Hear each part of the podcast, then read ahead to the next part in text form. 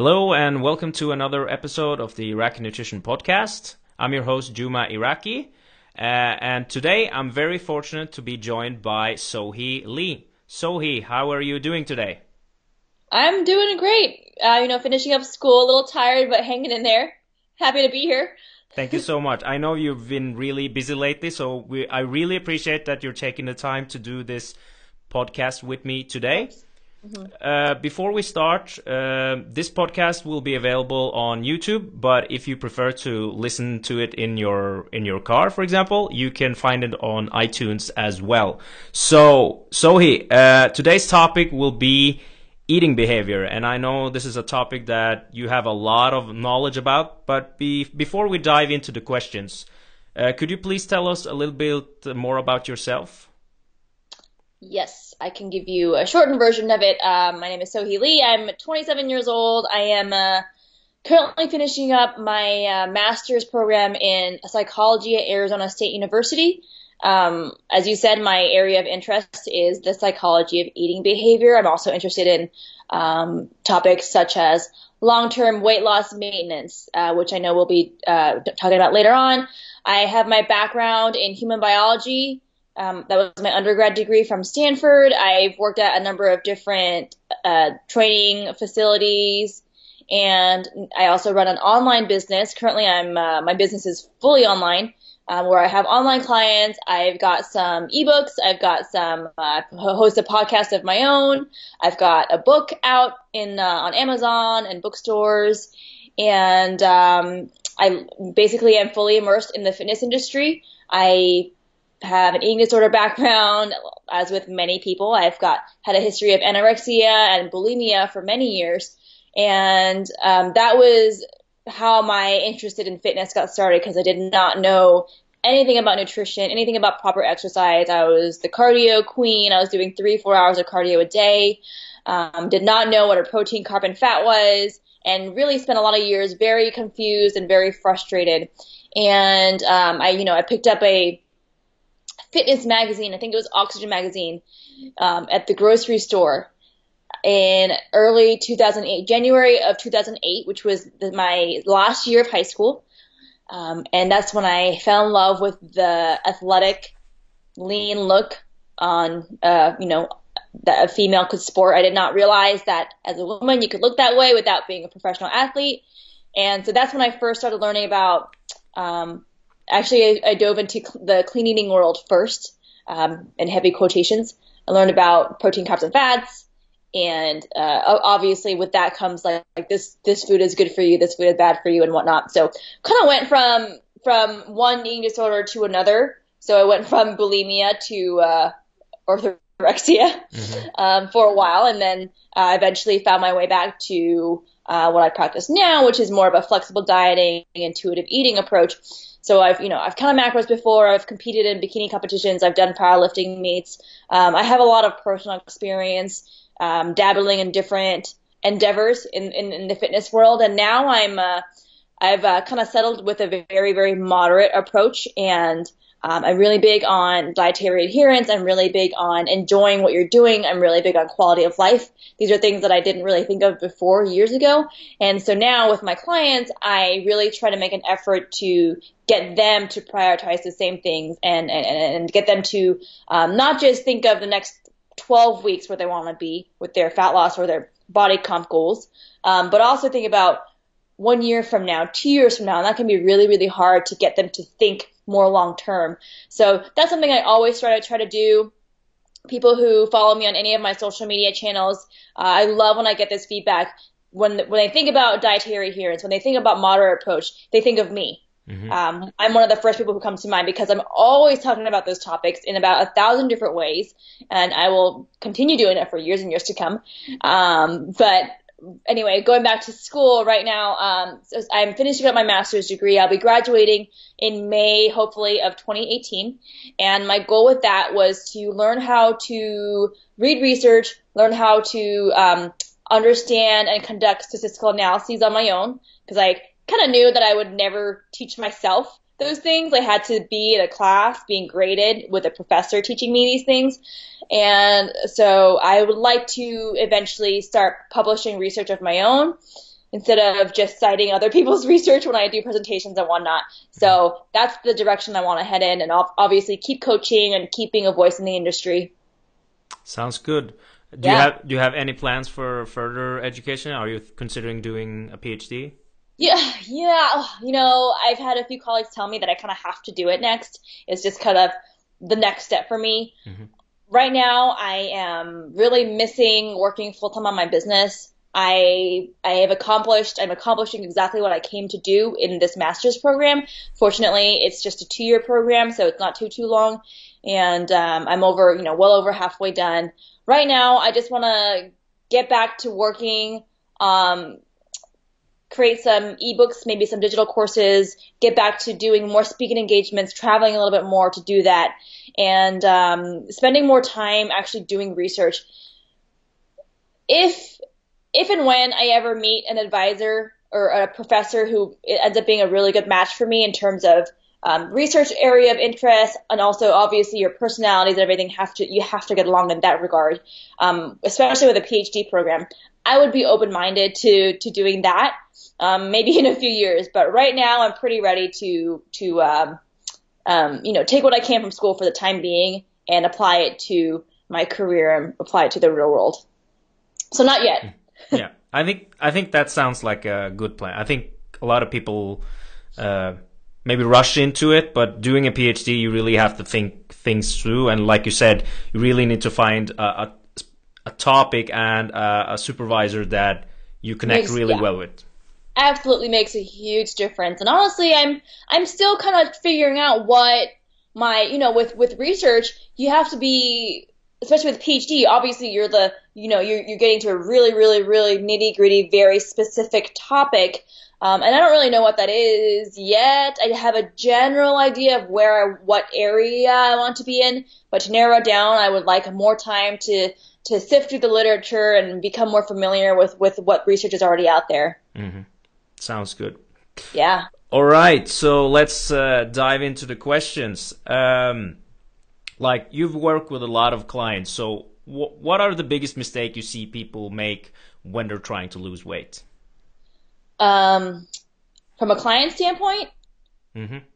okay biggest thing is uh, so I know, okay, I know that there nowadays the fitness industry is very saturated with everyone. Anyone can become an online coach. Anyone can do um, one bodybuilding competition and now all of a sudden they're a coach. Or maybe they don't even compete at all. They just decide that they that's what they want to do because the idea of working from home and um, making quote unquote easy money appeals to them. Uh, with that in mind, one thing I see happening is when clients try to fight the coach on what the best approach is for them, especially um, for for me in particular, because I I don't really, I don't do extreme approaches with my clients. I don't cut calories very low. I don't give them tons of cardio. I always think of their quality of life and how this is going to affect how they feel physically, mentally, all those things. When, when they try to fight me and say, this is not extreme enough, I need to be doing this much cardio, I need to be dropping, uh, you know, my calories to this intake daily, I need to be dropping this much weight per week, I need to be ready by this date, which is, you know, far too short for them. Um, I that I have a hard time with that. So generally, um, not being patient enough with the process, not understanding that it's not the rate of progress they make that's important, as not nearly as important as can I actually keep this up over the long term? Is this a sustainable behavior change that I can maintain? Maybe if I work on uh, tackling one or two um, moderate sized behavior changes, that's very doable for me. But if you um, I remember I was trying to explain this to a colleague. I think, well, actually to my advisor last year. I was using, you know, delta. Delta is, you know, change. Mm-hmm. If your delta for behavior change is too big, you're not going to be able to keep it up. And especially if you have multiple behavior changes that you're tackling at once. So the goal in my case is to minimize minimize delta uh, and allow you to still see progress. That way, um, you don't feel so deprived. It doesn't feel so hard. You don't have to rely on motivation to to execute that behavior because right now, right now at the beginning of your fitness journey, you're feeling very highly motivated. This is as high as your motivation was going to be because you haven't done anything yet. You're in a well rested state. You're well fed. Um, you have you, you're not stressed out. You're feeling like yes, I can absolutely do this. I can go super gung ho. And in psychology, this is called the hot cold empathy gap, where you it's the inability to empathize with how difficult a situation is going to be later on. So even things like late at night when you set your alarm for, let's say, 6 a.m. the next morning, you're like, oh yeah, I'll get up, no problem. But when at 6 a.m. actually rolls around and your alarm goes off, you feel absolutely horrible and you're thinking, what was I thinking? That was the worst idea. That's an example of the hot cold empathy gap in place, not being able to empathize with how difficult it's going to be when it actually happens. Same thing happens with diets and fitness journeys all the time. New Year's resolutioners, yes, 12 weeks, I'm going to um, eat these six items on my food list and go to the gym six days a week and um, be sad and I'm just going to do it. And then two weeks in, they've already quit. That's hot cold empathy gap in, in, practice. So it's, it's, they, they fail to fully appreciate um, changes in motivation, changes in their psychological state, in their physical state, um, fail to think, consider their their what they where they want to be long term. So that is by far and above the biggest mistake that I make and or I see people making, and this is what gets them into trouble time and time again. This has a lot to do with why we have sh- trouble with long-term weight loss maintenance, for example, why we have so many incidences of yo-yo dieting, um, that plays a huge, huge part in it. Excellent. Now, um, working with uh, a lot of clients, have you also noticed um, other things that they might do in, like, for example, I've worked with a lot of clients, and what I see with a lot of them is that usually it's not an issue with following what they should do in regards to exercise and nutrition on weekdays but then when the weekend comes, yes. suddenly it's really hard to stick to what you're yeah. supposed to do. Mm-hmm. Um, so what what do I do with that? What what's my approach with that? Yeah. What what are some of the strategies that you can do to yes. work around that, for example? Okay. So uh, actually, a few months ago, I wrote a blog. post. I think it was back in April. I wrote a blog post on this very topic, especially with with diet, obviously with exercise too. I see that um, however, it tends to not be as big of a problem. Usually, people don't really struggle as as much with with getting in their workouts. That to them, to a lot of people, tends to be you know quote unquote the easy part of of fitness. Mm-hmm. They enjoy it. They look forward to it. It's one hour out of your day. Um, doesn't matter what you do in the other 23 hours. Whereas with diet, you kind of have to be on all the time, and everything you eat, no matter who's watching, no matter what time of day, it all counts, right?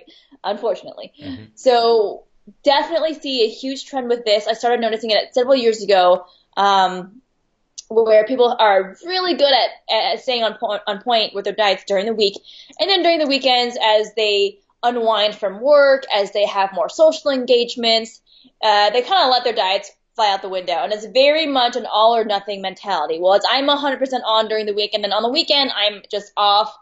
Uh, everything is fair game. I will eat everything that's in sight. And I think a lot of it comes too from their own mindset that um, maybe it's a self-imposed restriction where during the week they don't allow themselves to indulge or they intentionally keep their calories um, pretty low. And then during the weekend they're like, well, this is my one 48 hour window of opportunity to eat everything that I can't eat during the week. So that actually, that mindset can actually compound the, the, um, irresponsible eating behavior over the weekend, um, you know, we call it last chance syndrome. It's a it's a slang, you know, not obviously not a formal term, but uh, they think you know this is my last chance to eat this before my window opportunity closes. Mm-hmm. I'm gonna eat everything I ha- I can, even if I don't really like it. I'm just gonna eat it because I can, because it's here, um, until I'm sick and I want to keep going. So I noticed, you know, if you have, uh, you know, maybe they eat like 1,200 calories during the week and then 3,000 calories over the weekend. There's quite a discrepancy. So I wrote a blog post on this um, back in April of this year called the Weekday Diet, and I had you'd been using this approach with a little bit with my clients. I just hadn't thought of a name for it, but I love this name because uh, it really embodies what it, it what it feels like. It feels like you're just dieting during the weekday. Um, However, instead of having, you know, uh, 12,000 calories during the week, 3,000 calories over the weekend, and in fact, I would even argue that many people, even women, are able to get the calorie intake up to four, five, even 6,000 calories per day on the weekend if they want to. There are have been women who have gotten that. And and anyone who's lived this lifestyle before, you're well aware that one or uh, two, even one day of overeating like that can very easily undo all your weeks of of hard work. Any if your goal is fat loss, any calorie deficit you've worked to create can be eliminated within one day of very high irresponsible eating. So obviously, this is not ideal. You don't want to make progress during the week and then backtrack over the weekend and then just go back and forth and not make any net progress over time. So what I do now instead is I a lot of clients are doing this right now. I give them weekday macros or a weekday set calorie intake, um, and then weekend macros. And um, what I do is their weekday macros they are lower than their weekend macros, but the discrepancy between weekday and week, weekend numbers are far lower than than what they would do, which is crash dieting and just an extreme approach. So I bring that level down a lot more. Where let's say maybe on the weekend they have instead of um, 2,500 calories more on the weekend, they have maybe 500 calories more per day. So giving them that kind of structure, but still setting limits on their intake allows them to uh, still feel like they're getting a break from dieting. It's great mentally, psychologically. It gives them something to look forward to. It motivates them to continue to adhere to their diet during the week. You know, and then during the week they're like, oh God, I can, I have this many more calories to a lot to maybe I can fit in an alcoholic drink. Maybe I can have some um, pasta this weekend or or whatever it is and fit it into their intake and uh, but without spiraling out of control. So by the time Monday rolls around, they're still making forward. They've still they've still got forward momentum going. So this is my way of um, instead of you know one of the biggest pet peeves I have with coaches and fitness professionals and personal trainers in general is when when you have a client who complains about something or saying I really struggle with this one thing. Um, a lot of times telling them, yeah, um, don't do that. That's not helpful. Mm-hmm. Saying things like, well, maybe if you just tried harder, or yeah, stop doing that that does not help anyone. So my thinking always instead of instead of oh yeah, um, stop eating so much on the weekend. I'm thinking, okay, how can I give them what they want? Where what they want is the psychological feeling of I'm relaxing on the weekend, but without undoing all their progress. Okay, I'm gonna compromise with you. Let's meet. Let's meet halfway. Um, you can't eat like that anymore, but you can kind of eat um, a little bit like that. Just just gotta meet these several, just a few few guidelines. Work with me a little bit. Um, and uh, actually love, I was listening to a podcast with Mike Israetel mm-hmm. uh, not long ago, and he was discussing how if you want to make um, any kind of body composition progress, physique progress, you need you need some kind of restriction on your diet. You have to, um, whether it's you know, um, and a lot of popular diets, as you know, they they create calorie deficits by eliminating entire food groups or having a good food list and a, and a banned food list that you're not allowed to eat.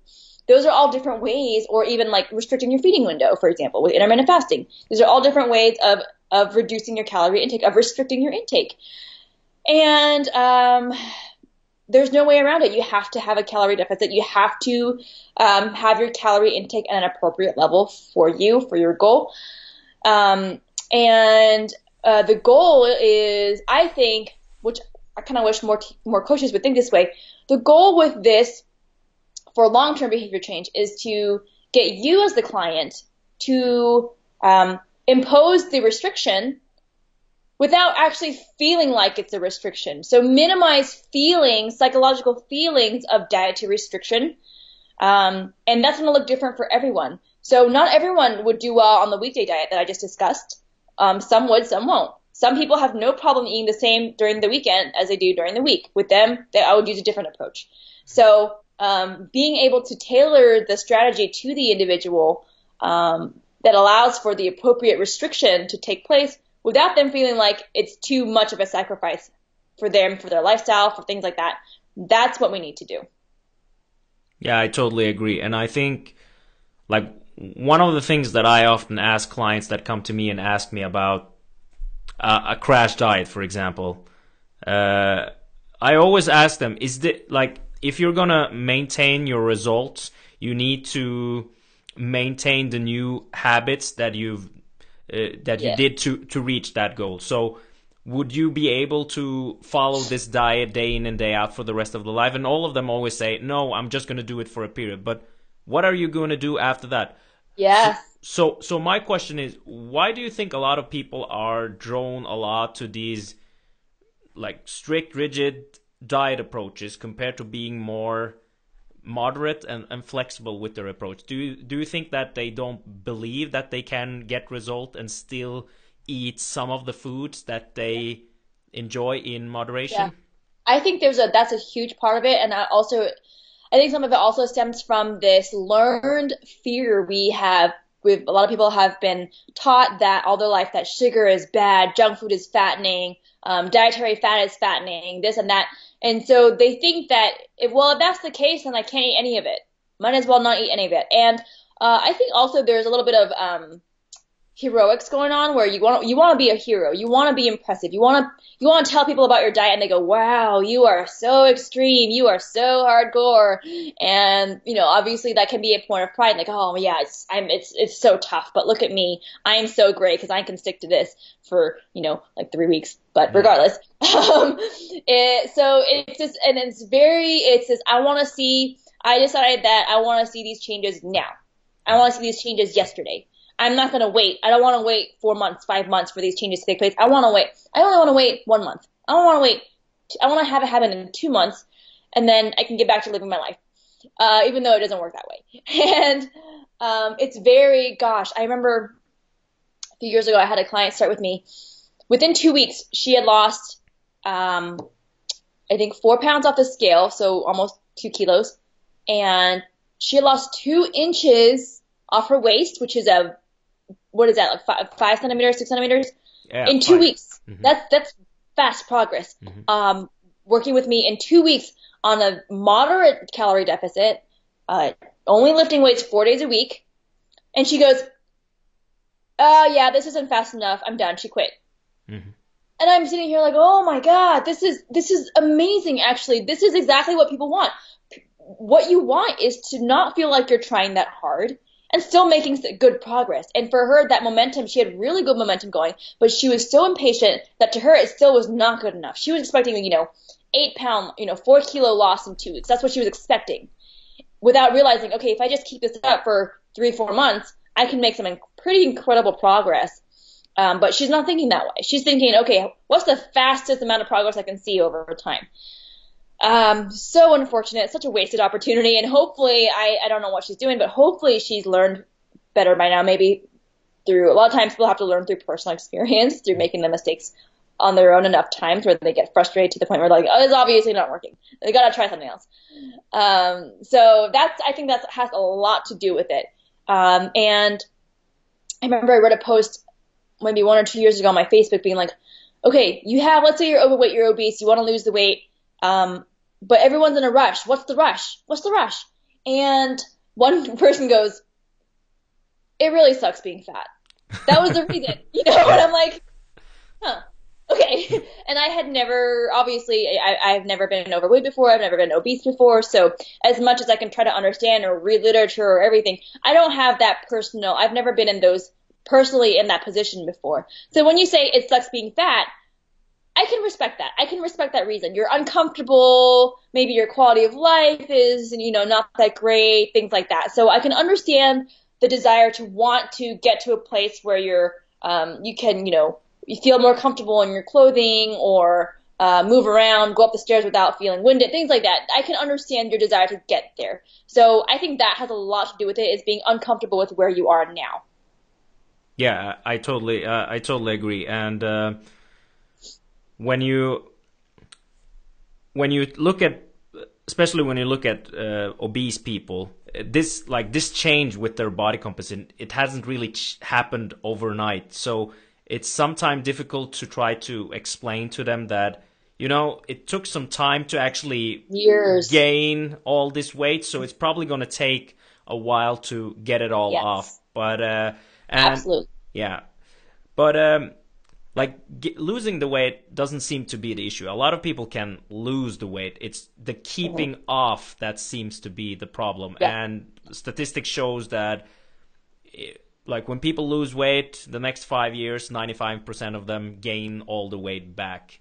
Yes. And what are the 5% actually doing? And a lot if you look at the research, a lot of them uh, seems to have a, a more flexible uh, approach to both yes. nutrition and oh, diet. Absolutely, yes.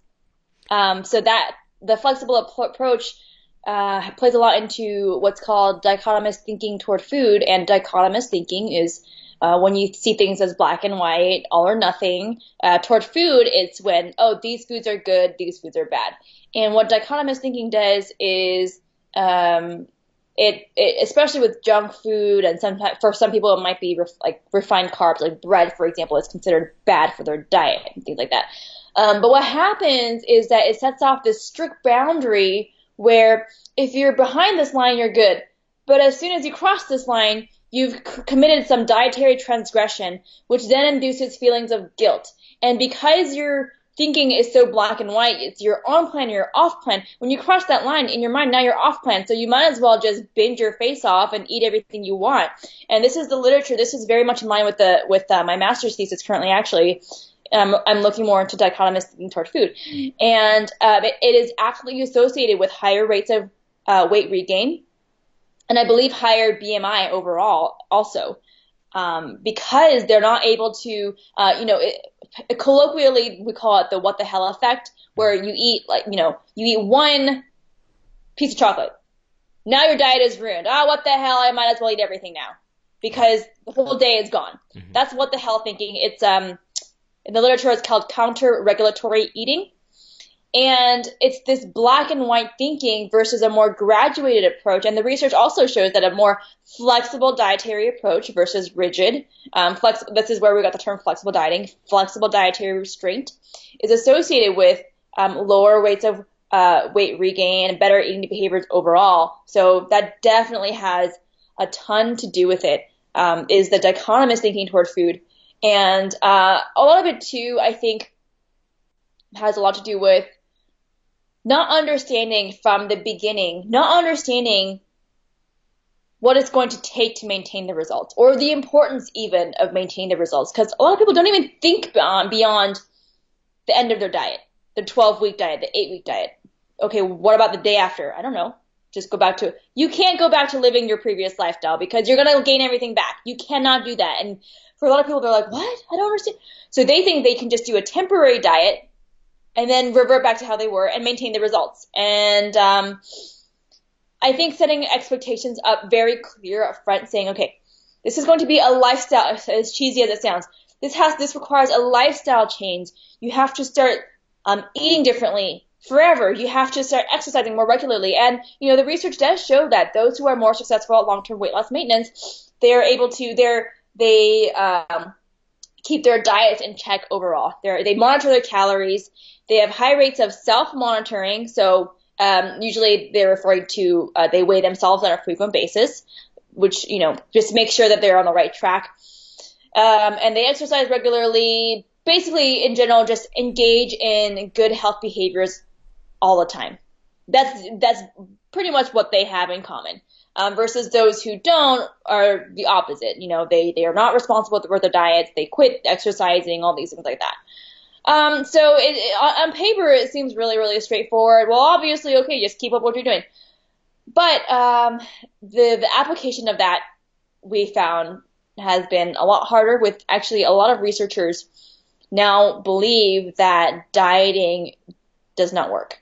Um, I disagree with that. I think it has a lot to do with yes, many diets approaches have not been shown to be effective long term, but I believe that has more to do with not finding the right approach for the individual mm. so much as oh diets in general just don't work. Um, so that's my thinking. I'm very big on tailoring the approach to the person um, rather than here's a diet, you figure out a way to stick to it.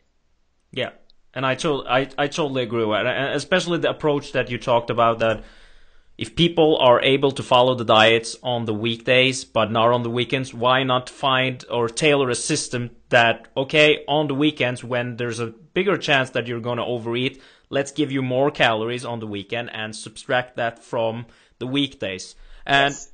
talking about the black and white approach, I often tell my student when we talk about this that because the way I look at it is if you uh, if you were to drive your car into a parking lot and get a scratch on your car, would you continue just wrecking your car? Because it's gonna need some maintenance work anyway so i can anyway, yeah, yeah, yeah, so i can just wreck the car and send it away. But not not nobody does that. But when it comes to their diet they do it. Like they'll yeah. they for example on a, on a friday afternoon eat a small piece of cake and they actually turn a, a small thing into a huge problem like Yes. What's what's a cake like? It's an extra three, four, five hundred calories that you can easily adjust for no later in the day. Yeah.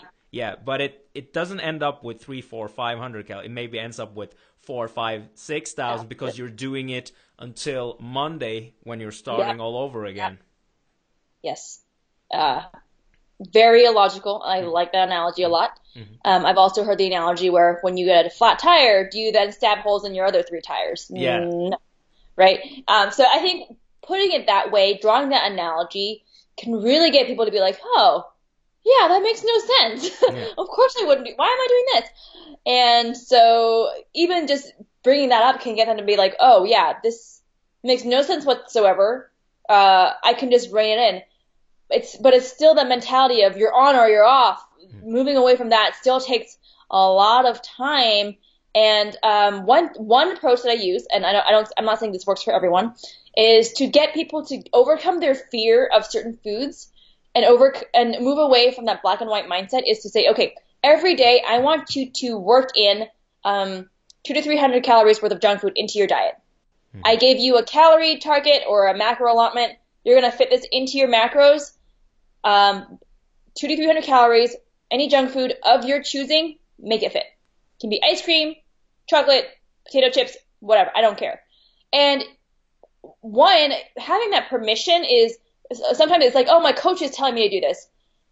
But also the daily, um, gosh, is it? I think it's called. It's a form of cognitive behavior therapy. I think where you know when you you want to get over your fear of something, you gradually expose yourself to it yeah. a little bit over time. Mm-hmm. So I I, I want to say I'm, I may not correct fully. It's a form of that where you um, daily exposure to your fear uh, helps you overcome that fear. And also, it's it's learning that oh, you know what, um, I have this calorie limit, I have this protein target, and I'm still fitting in this slice of cake into my diet every day, and I'm actually still making progress.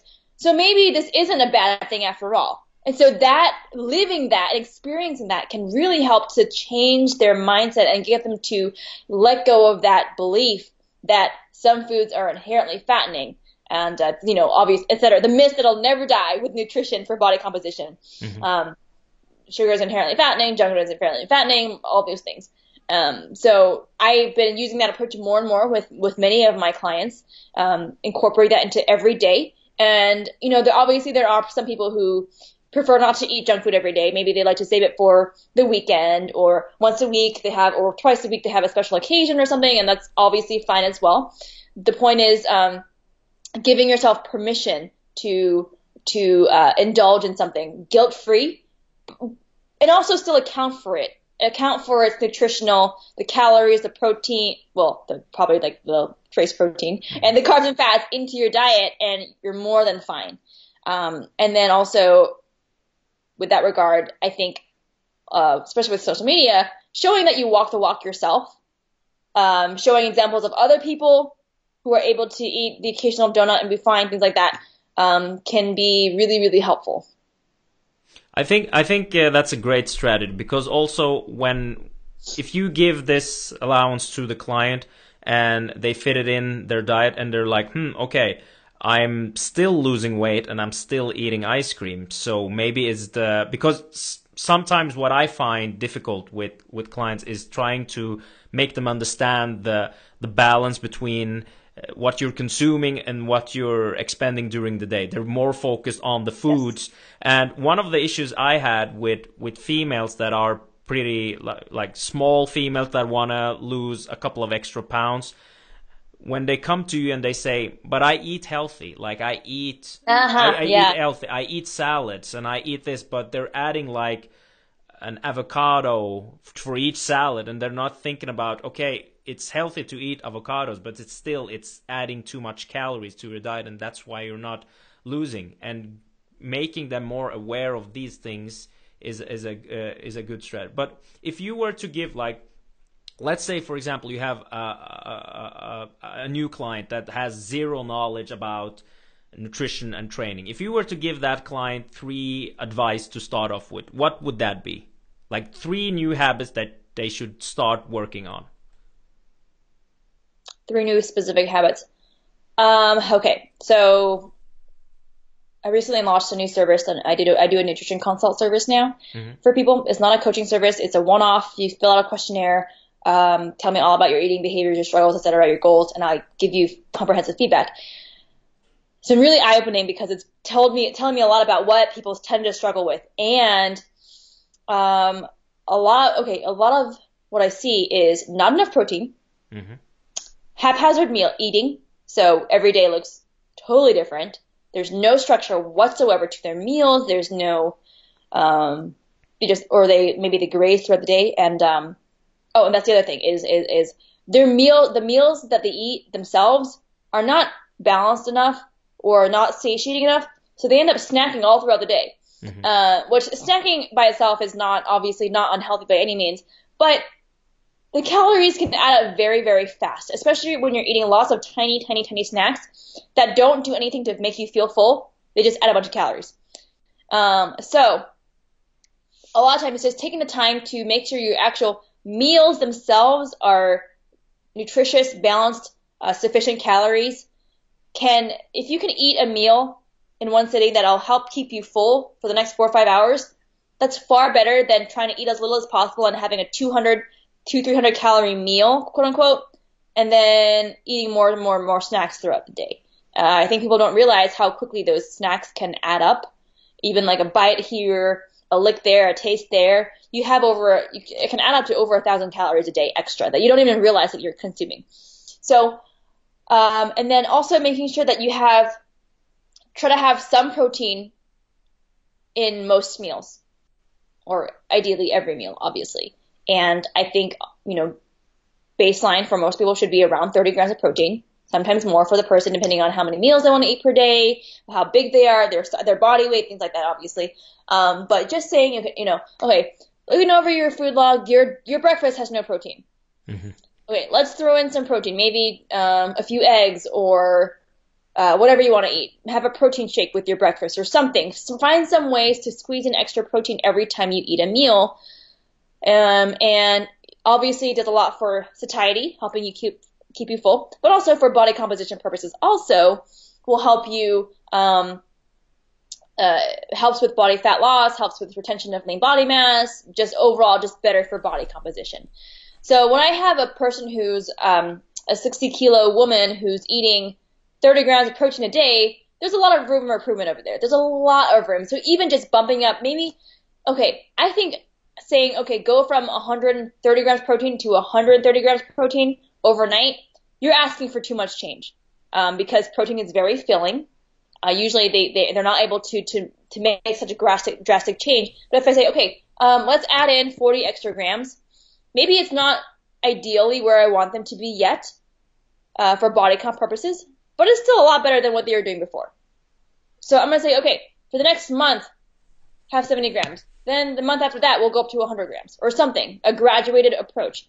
Um, and then the meals um, is different from one individual to the next. But me, for example, I find I feel best when I have around 30 grams of protein, probably around 50 grams. I love my carbs, around 50, 50 plus grams of carbs, and maybe around 20 grams of fats. If I don't have enough carbs, if I don't have enough fats, I don't feel right. I, I find myself reaching into the cupboard in between meals looking for snacks. Um, I want to eat enough to where I can be satisfied, be sufficiently full, and then have to not think about food for the next five hours, four or five hours, so I can focus on work focus on other areas of my life. I don't want to have to obsess over food all day long. So that's my approach. Um, a lot of people will find that if they get in some veggies, some carbs, uh, some starchy carbs, especially around their workout, obviously, some kind of healthy fat, whether it be olive oil, maybe some avocado, maybe not like a bunch of avocado, some nuts, some whatever, seeds, things like that. That can be enough to, to get them feeling really good at the end of the meal. Um, and then the grazing, the snacking kind of takes care of itself when you, when you improve upon the actual meals. And also finally just making sure that you eat you don't have to eat at the same freaking minute every day, obviously, but at roughly the same times. Um, you know, the research shows that when you eat at roughly the same times every day, your body over time gets trained to um, release the um, hunger signals at around that same time every day. So that can do a lot, especially if you're um, whether you're intermittent fasting or eating breakfast, lunch, and dinner. Uh, just having that structure is, is just good for overall lifestyle um, I know it has some positive um, metabolic effects as well. So saying, okay, at a roughly this time I'm going to eat this, uh, roughly this time I'm going to eat, and roughly this time I'm going to eat. Um, you know what you're doing. You know what your meal should look like. You know to increase your protein. Um, even if you don't have them count calories right off the bat, which I think most people can get away with not doing for a long time. They can make tons of progress without without ever using a food scale, without tracking a single uh, a, a macro. Um, just making those few changes can make a huge difference in, in their in their physique, in their body composition, in their overall progress. Yeah, I totally agree.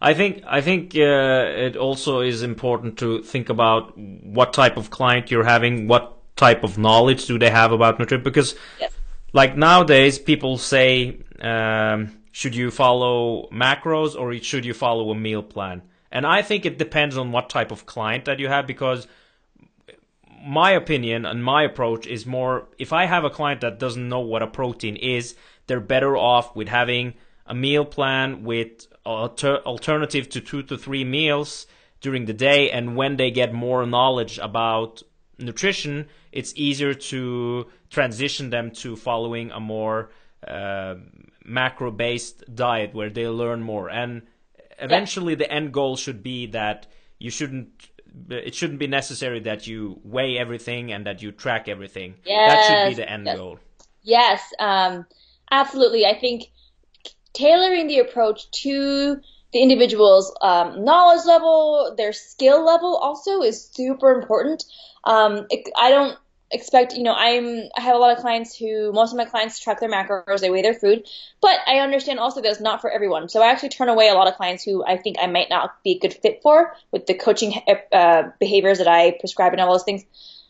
Meal plans, I think, are a great stepping stone, as you're describing. They're a great stepping stone. They're not a lasting strategy. They're a really great way of getting people to eat the right amounts of protein, carbs, fats, controlling for their calorie intake without having to um, do uh, too much upfront work. Um, but the expectation eventually is to graduate from that and move on to, okay, now you're gonna, um, you know, my friend Spencer Nadolsky is really big on this meal plan templates where you're encouraged to swap out, okay, this protein, maybe I don't want today, but I'm gonna swap it out for this. Instead of this carb, I'm gonna have this carb. Mm. Instead of this vegetable, you know, things like that. And that the meal plan templates are really effective because you can practice them no matter where you are, no matter what restaurant you're at. You can pick a protein, you can pick a carb, you can pick a vegetable. That's it's, it's very straightforward. You can pick a dietary fat. Uh, and, and, then from there, obviously, I think macro tracking is really uh, becomes especially important with those who people who are maybe preparing for a bodybuilding contest where you have to get really really lean. Or if you're already lean trying to get even leaner where the difference of maybe a, even 100 calories a day can make a difference between making progress versus stalling. Um, and then as you said the long term goal um, very long term many people aren't quite ready for it yet is eventually for uh, maintenance purposes for lifestyle purposes obviously I don't expect you to weigh your food for the rest of your life. That's just not that's not practical. You're not going to bring a food scale everywhere you go. The goal eventually would be to get to a point where you are fully in tune with your hunger and satiety signals. This is intuitive eating, where you don't have to track calories, but you um, you kind of auto regulate. And this is actually kind of the opposite of macro tracking. Macro tracking is very dependent on the numbers you've been prescribed. I'm going to eat according to what macros I have left for the day. Um, so this is relying on external cues. Relying on internal cues is a lot more difficult because yeah, now you have to pay attention to okay, how hungry am I? Am I actually hungry or am I just bored? How much have I eaten? How satiated do I feel? All those things. And um, for example, people who have a history of bulimia would not be well suited for intuitive eating, at least not for a really long time. Mm-hmm. There are some people who believe that those with binge eating disorder, for example, will never ever be in tune fully with their hunger signals ever again. Um, I think that it is possible. It just takes a really long time. Um, so I think long term eventually, because obviously there are people all around the world and many different cultures who are able to practice intuitive eating just fine. And they, they're very healthy. They have healthy body weights. They live healthy lifestyles. And I think a lot of people have this fear that, oh, well, if I don't ex- know exactly how much I'm eating every day, uh, I might be eating too little. I might be eating too much. That's true, but you're also kind of adjust over time. If I, if I undereat one day, I can feel it. I can feel it. The next day, I'll eat a little bit more to, to account for that, you know? And then, um, I also keep an eye on scale weight, on, uh, progress pictures on how you look in the mirror, and then you can adjust your eating accordingly. Uh, it's very, it's it's more of a kind of trial and error approach, but I'm so much more flexible with my lifestyle now. I'm I can I don't have to I have a lot more uh, what I call mental bandwidth to devote to school, for example, or to taking care of my clients instead of worrying about my diet and what I'm eating. So definitely long term want to move to intuitive eating. Sounds good. Sounds good. So uh, to wrap up the podcast, what would be your take home message on this topic?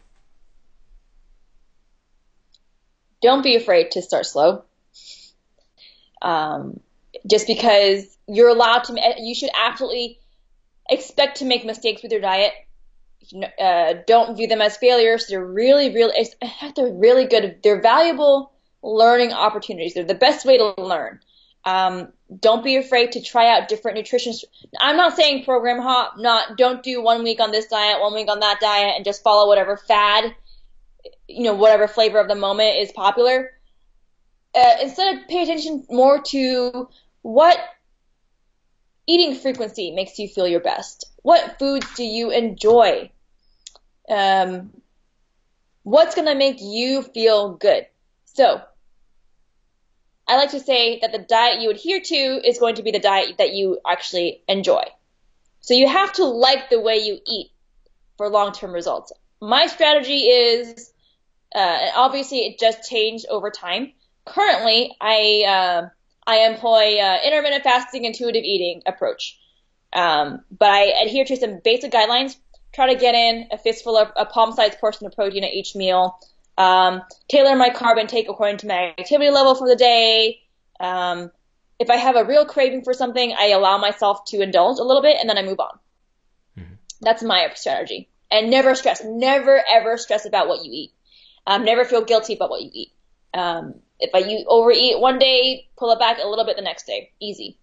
Um, think more in shades of gray. I, I, I say get away from black and white and get comfortable in different shades of gray. Um, so that's a moderation. Um, celebrate every success. Focus more on um, successful behavior change rather than um, outcome. So you can control your behaviors. You can't control how the scale weight chooses to respond to your behaviors. So don't celebrate when you've lost 10 pounds per se. Maybe celebrate when you've mastered a certain eating behavior where when it feels effortless. And this is what I call effortless eating should be the ultimate goal. The goal should be to make your eating effortless to where you're still getting to where you want to be, but it doesn't feel like you have to bend over backwards to get there. And um, a lot of people really glamorize suffering and, and being hardcore, which is fine if it worked long term, but it, most of the time it's not a it's not a lasting strategy. So instead of thinking how hardcore can I be, think how can I make this work with my lifestyle? How can I do something that I can keep up, not just a month from now, but a year from now, that, as you were saying. Um, and the other thing too is so many people are so focused on figuring out the latest uh, magic fat loss food, the latest dieting trick. Uh, they always look for these secret supplements, things like that. Okay, spend less time on figuring that stuff out and spend more time on mastering the basics of nutrition. I'm not going to give you supplements if you're getting 20 grams of protein a day. Mm-hmm. I'm going to get you to try to eat more protein a day first. Um, find ways to keep lower your total calorie intake, or maybe in your case you need to eat more calories or whatever. Um, just basic, even the most basic, simple eating habits, eating skills can take you a long, long, long, long way. In fact, I say that for most people, never using a food scale, never taking a single supplement, um, never using a, a food tracking app, in a lot of ways can take them 80 to 90% of the way to their goal for most people, especially if you're overweight, especially, you know, over obese, things like that, can get you most of the way there. So get, spend time mastering that first before worrying about anything else. So enjoy what you're doing, take a more moderate approach, focus on behavior change. That's what I would say. Excellent. All right, Zoe. Thank you. Thank you so much for taking this time. Absolutely. I, this was uh, this was uh, great uh, to uh, finally get you on and talk about this topic. So, where can people find more information about you? Yep. Uh, so I'm very active on social media. I can find me. My my brand name is Sohee Fit. S O H E E F I T. Uh, my Facebook page, my Twitter, my Instagram, they're all Sohee Fit. I do not have Snapchat. That's the one platform I won't get on. Um, but I'm most active on Instagram. I um, uh, if you direct message me, I can't guarantee I'll get back to you because I get a lot per day now. Um, I try to get back to some people. You can also use the contact form on my website um, to get in touch with me via email. I also, um, you know, I offer coaching services. I offer different um, consult services, things like that. You can all check out at soheefit.com. Excellent, Zoe. All right, Sohee, thank you so much again for the podcast, and hopefully we can do this uh, another time on a different topic. Absolutely, we'd love to do it again. Okay, thank you so much, and uh, have a nice day. Thanks.